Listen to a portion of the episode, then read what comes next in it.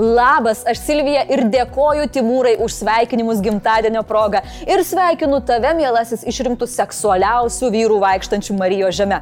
Ir noriu padėkoti porai komentatorių, kurie seksualiausių vyrų išrinko mane. Ačiū mažučiai. O šiandien tai ojojoj kiek žinių. Jo ekscelencijos veto atmesti ir nepritarta narkotikų dekriminalizacijai. Ir nesibaigiantis reikalai Baltarusijos pasienį. Ir bent kokios geros žinios iš COP26. Tai jei jūs pasiruošę, važiuojam. Seimas su prezidentu aiškinosi panetkės. Jo ekscelencija praėjusią savaitę parodė, kad yra bahūras ir paskelbė veto planams apmokestinti testus nepasiskiepijusiems. Lietuvos įstatymai sako, kad Seimas gali atmesti prezidento veto ir tokiu būdu pastatyti bahūrą į vietą. Veto atmetimui parlamentarams reikėjo bent 71 balso. Teoriškai jie valdančioje daugumoje turėjo 74. Susibūrę, susitelkę, atšaukę visas komandiruotės, valdantieji pasiekė savo ir pastatė prezidentą į vietą. Veto buvo atšauktas 73 balsais už. Taigi, COVID-19 imuniteto neturintys darbuotojai nuo gruodžio patys mokės už testus. Dar prieš balsavimą valdantieji rodė vienybę ir susitelkimą. Abejonės neturėjom jokio nepalaikyti vyriausybės šitame dalyke. Užsienio reikalų ministras Gabrielius Landsbergis buvo kritiškas prezidentui. Ta testavimas nėra vakcinavimo pakaitalas. Suteikiamos papildomos paskatos žmonėm nesivakcinuoti atitolina pandemijos pabaigą. Ir pridėjo. Prezidentas parodo, galutinai yra jau seniai supykęs ant tų, kurie ragina skiepytis. Uh, nu drąsiai čia. O premjerė Ingrida Šimonytė pabandė paaiškinti, kad čia reikalas yra ne apie santykius, o apie turinį. Nei parlamentas nėra prezidento viršininkas, neigi prezidentas nėra parlamento viršininkas. Gal iki šiandien ir nebuvo ne vienas viršininkų, bet dabar jau aišku, kas čia kam vadovauja. Prieš patį veto atmetimą įstrų netrūko. Valstietis Dainius Kepenis siūlė su oponentais išsiaiškinti vyriškai. Mes tikrai galėsim nueiti ir su slušniu, ir su kitais į tokį kambarėlį 3 ant 3, pasimsim bokso pirštinės ir pusę valandos šnekėsimės. Kaip manote, kas laimėtų - slušnys ar kepenis? Sotsdemas Algirdas Sysas priminė, kad vakcinacija Lietuvoje nėra privaloma, todėl esą piliečių negalima bausti už tai, kad jie nepasiskiepija. Bet kaip paskui save citavo, Lietuva Marijos žemė ir čia gali būti visokių stebuklų. Justas Džiugelis lygino pandemiją Kai jūsų mažametis vaikas bėga į degantį laužą, jūs jį pagaunate už rankos ir greičiausiai subarate, jam to neleisdami. Ir paaiškinate, kad iš meilės, kad bus blogai. Aš manau, kad pandemija ir yra degantis laužas. Hmm. Tai jei pandemija yra laužas, ar mūsų prezidentas šiuo atveju yra tas, kuris stumia žmonės į laužą ir paskui reikia, kad valdantieji negesina? O gal tas, kuris sako, kad su ugnimi reikia kovoti ne vandeniu, o dialogu? Valstietis Valius Ažalas neviniojo žodžių į vatą. Jūs esate konstitucinių teisių okupantai. Ir žmonės su jumis turėtų elgtis kaip su okupantais. Aš tai sakyčiau, kad žmonės, kurie nenori skiepytis ir nori nemokamai testuotis, yra mano piniginės okupantai. Prezidentūrai yra nuskaudėlė. Prezidentas sako, kad dabar už šio sprendimo pasiekmes atsakingas yra Seimas. Na, o kai prezidentas dar tik šluostėsi ašaras dėl atmesto veto, Seimas nepasididžiavo ir atmetė dar du. Dėl Seimo atstovo kitose šalise steigimo ir aplinkosaugininkų teisės nereaguoti į pranešimus. Nors šie du nėra tokie svarbus kaip dėl mokamų testų, čia esminis dalykas yra žinutė prezidentūrai. O ta žinutė yra aiški. Ne tu čia sprendi seneliumbariumai. Seime subliuško planas mažo kiekio narkotinių medžiagų dekriminalizavimui. Tokį balsavimą pataisų priešininkai palidėjo aplodismentais. Įstatymas, kolegos, e, gal galima triukšmo salėje sumažinti. Ir plojančiųjų buvo nemažai, tarp kurių tikriausiai ir šiek tiek konservatorių, kurie balsavime susilaikė arba buvo prieš. O žinot, kas neplojo? Balsavime nedalyvavę konservatoriai ir liberalai, kurie nusprendė, kad ai, ir taip nubalsuos ir paliko Seimo salę. Užtat tikrai plojo darbėtis Mindugas Puidokas. Tai įstatymo projektas, kuriam įsigaliojus jaunimui bus pasiūsta klaidinga žinutė dėl to, kad narkotikų vartojimas nėra nieko blogo. Plojo ir veryga, kalbėjęs, kad pataisos mus veda į narkotikų normalizavimą. Bet Aurelijau, tarptautinės organizacijos teigia, jog dekriminalizavimas padeda. Netikiu kolegos nei vienu jūsų žodžiu vyriausybė prabalsavot už priemonės, prieš kurias griežtai pasisako pasaulio sveikatos organizacija ir nematė tame jokios problemos. Čia apie alkoholio sušvelninimą. Laima Nagienė papasakojo įdomių istorijų. Pasižiūrėkite, kaip būna kartais prie mokyklų ir dabar dar kaip yra. Ir autobusiukai atvažiuoja platinimas. Platinimas visų narkotinių medžiagų. Petras Gražulis buvo tiesiog gražuliu. Man atrodo, kad tie, kurie balsavo už narkotikų legalizavimą, ypač tokį vyresnį amžiaus kaip Kestutis arba Pociūninė, palaidojo savo vyrą, tai turėtų pasitik pasidaryti narkotikų testą. Ta prasme, prisišnekėjo nesąmonių ir turėjo atsiprašinėti. Gerbimi Seimo nariai, aš atsiprašau po- ponios Pociūninės. Tai yra, kai sako, tikrai asmeninė šeimos problema, ta bet esu, manau, kad tie, kurie balsavo už, padarė didžiulę klaidą. Viską vainikavo tikrų tikriausias Seimo medis Valius Ažalas. Apsvaigusią tautą lengviau valdyti. Tai okupantų metodas. Tik galime pasidžiaugti tom, kad jis nepraėjo. Bet tai valiau. Kam svaiginti tautą, jeigu galima tiesiog kirmeliukų į kaukės įdėti ir per jas valdyti? Nepagalvojai čia valiau, oi, nepagalvojai. Už, aišku, pasisakė Aušrinė Armonaitė, teigusi, jog žmonėms reikalinga pagalba, o priklausomų žmonių kriminalizavimas yra perteklinis.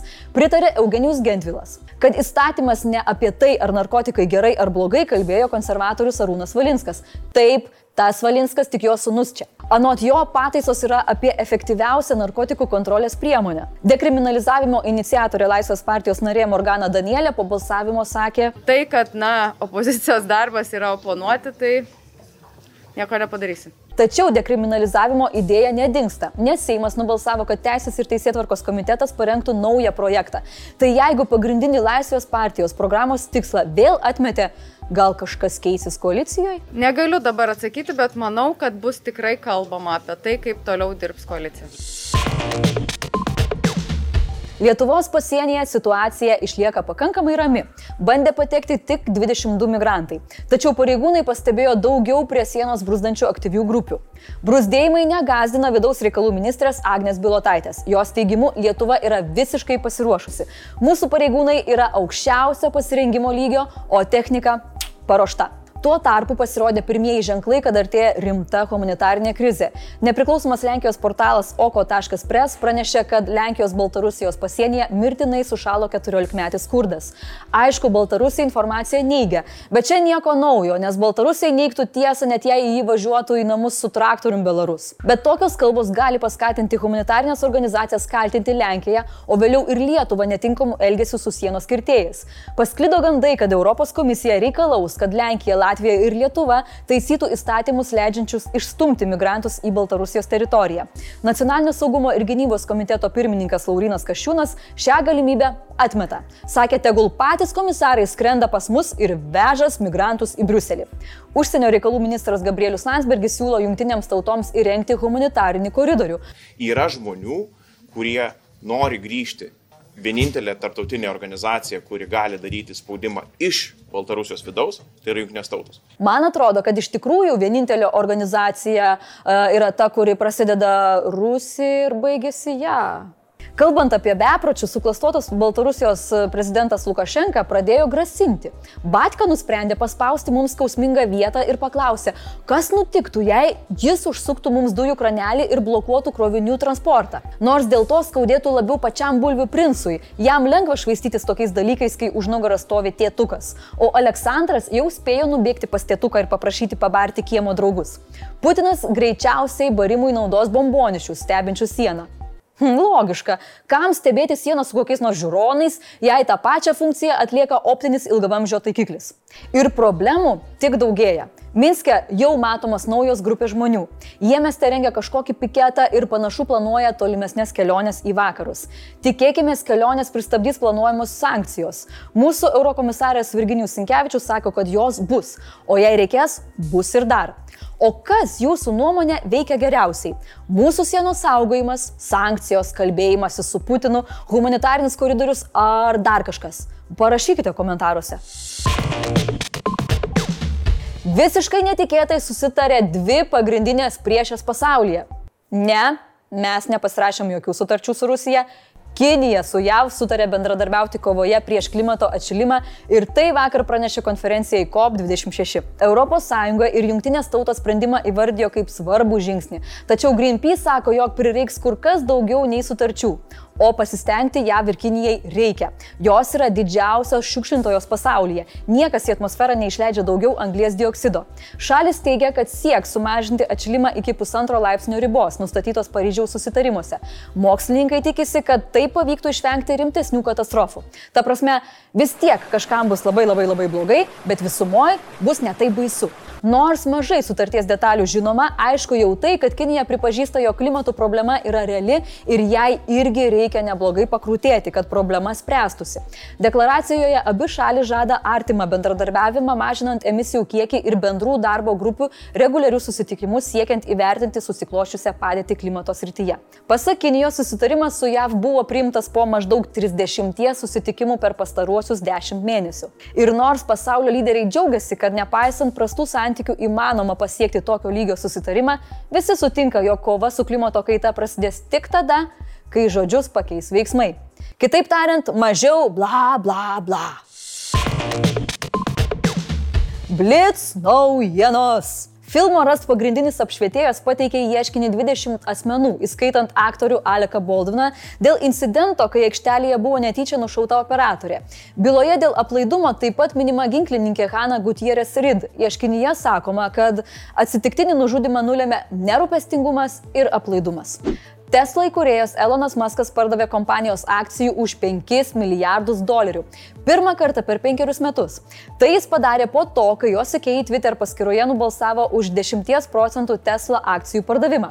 Ar šis pardavimas susijęs su apklausos rezultatais, nėra žinoma. Daugiau apie Masko akcijas sekmadienį tiek pinigų laidoje. Policija Seimo nariui Dainiu Kepeniui skyrė baudą dėl kaukės nedėvėjimo teatre.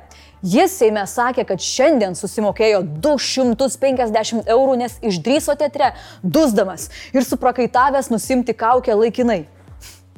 O aš manau, kad jį dusina vergų pasas, kurį kepenis sėkmingai naudoja, kad patektų į teatrą. Parašykite mums, kas jūsų manimų padėtų geriausiai išspręsti migrantų krizę. Kokios priemonės? O jums būna, kad užmiegat dirbdami labai svarbų darbą?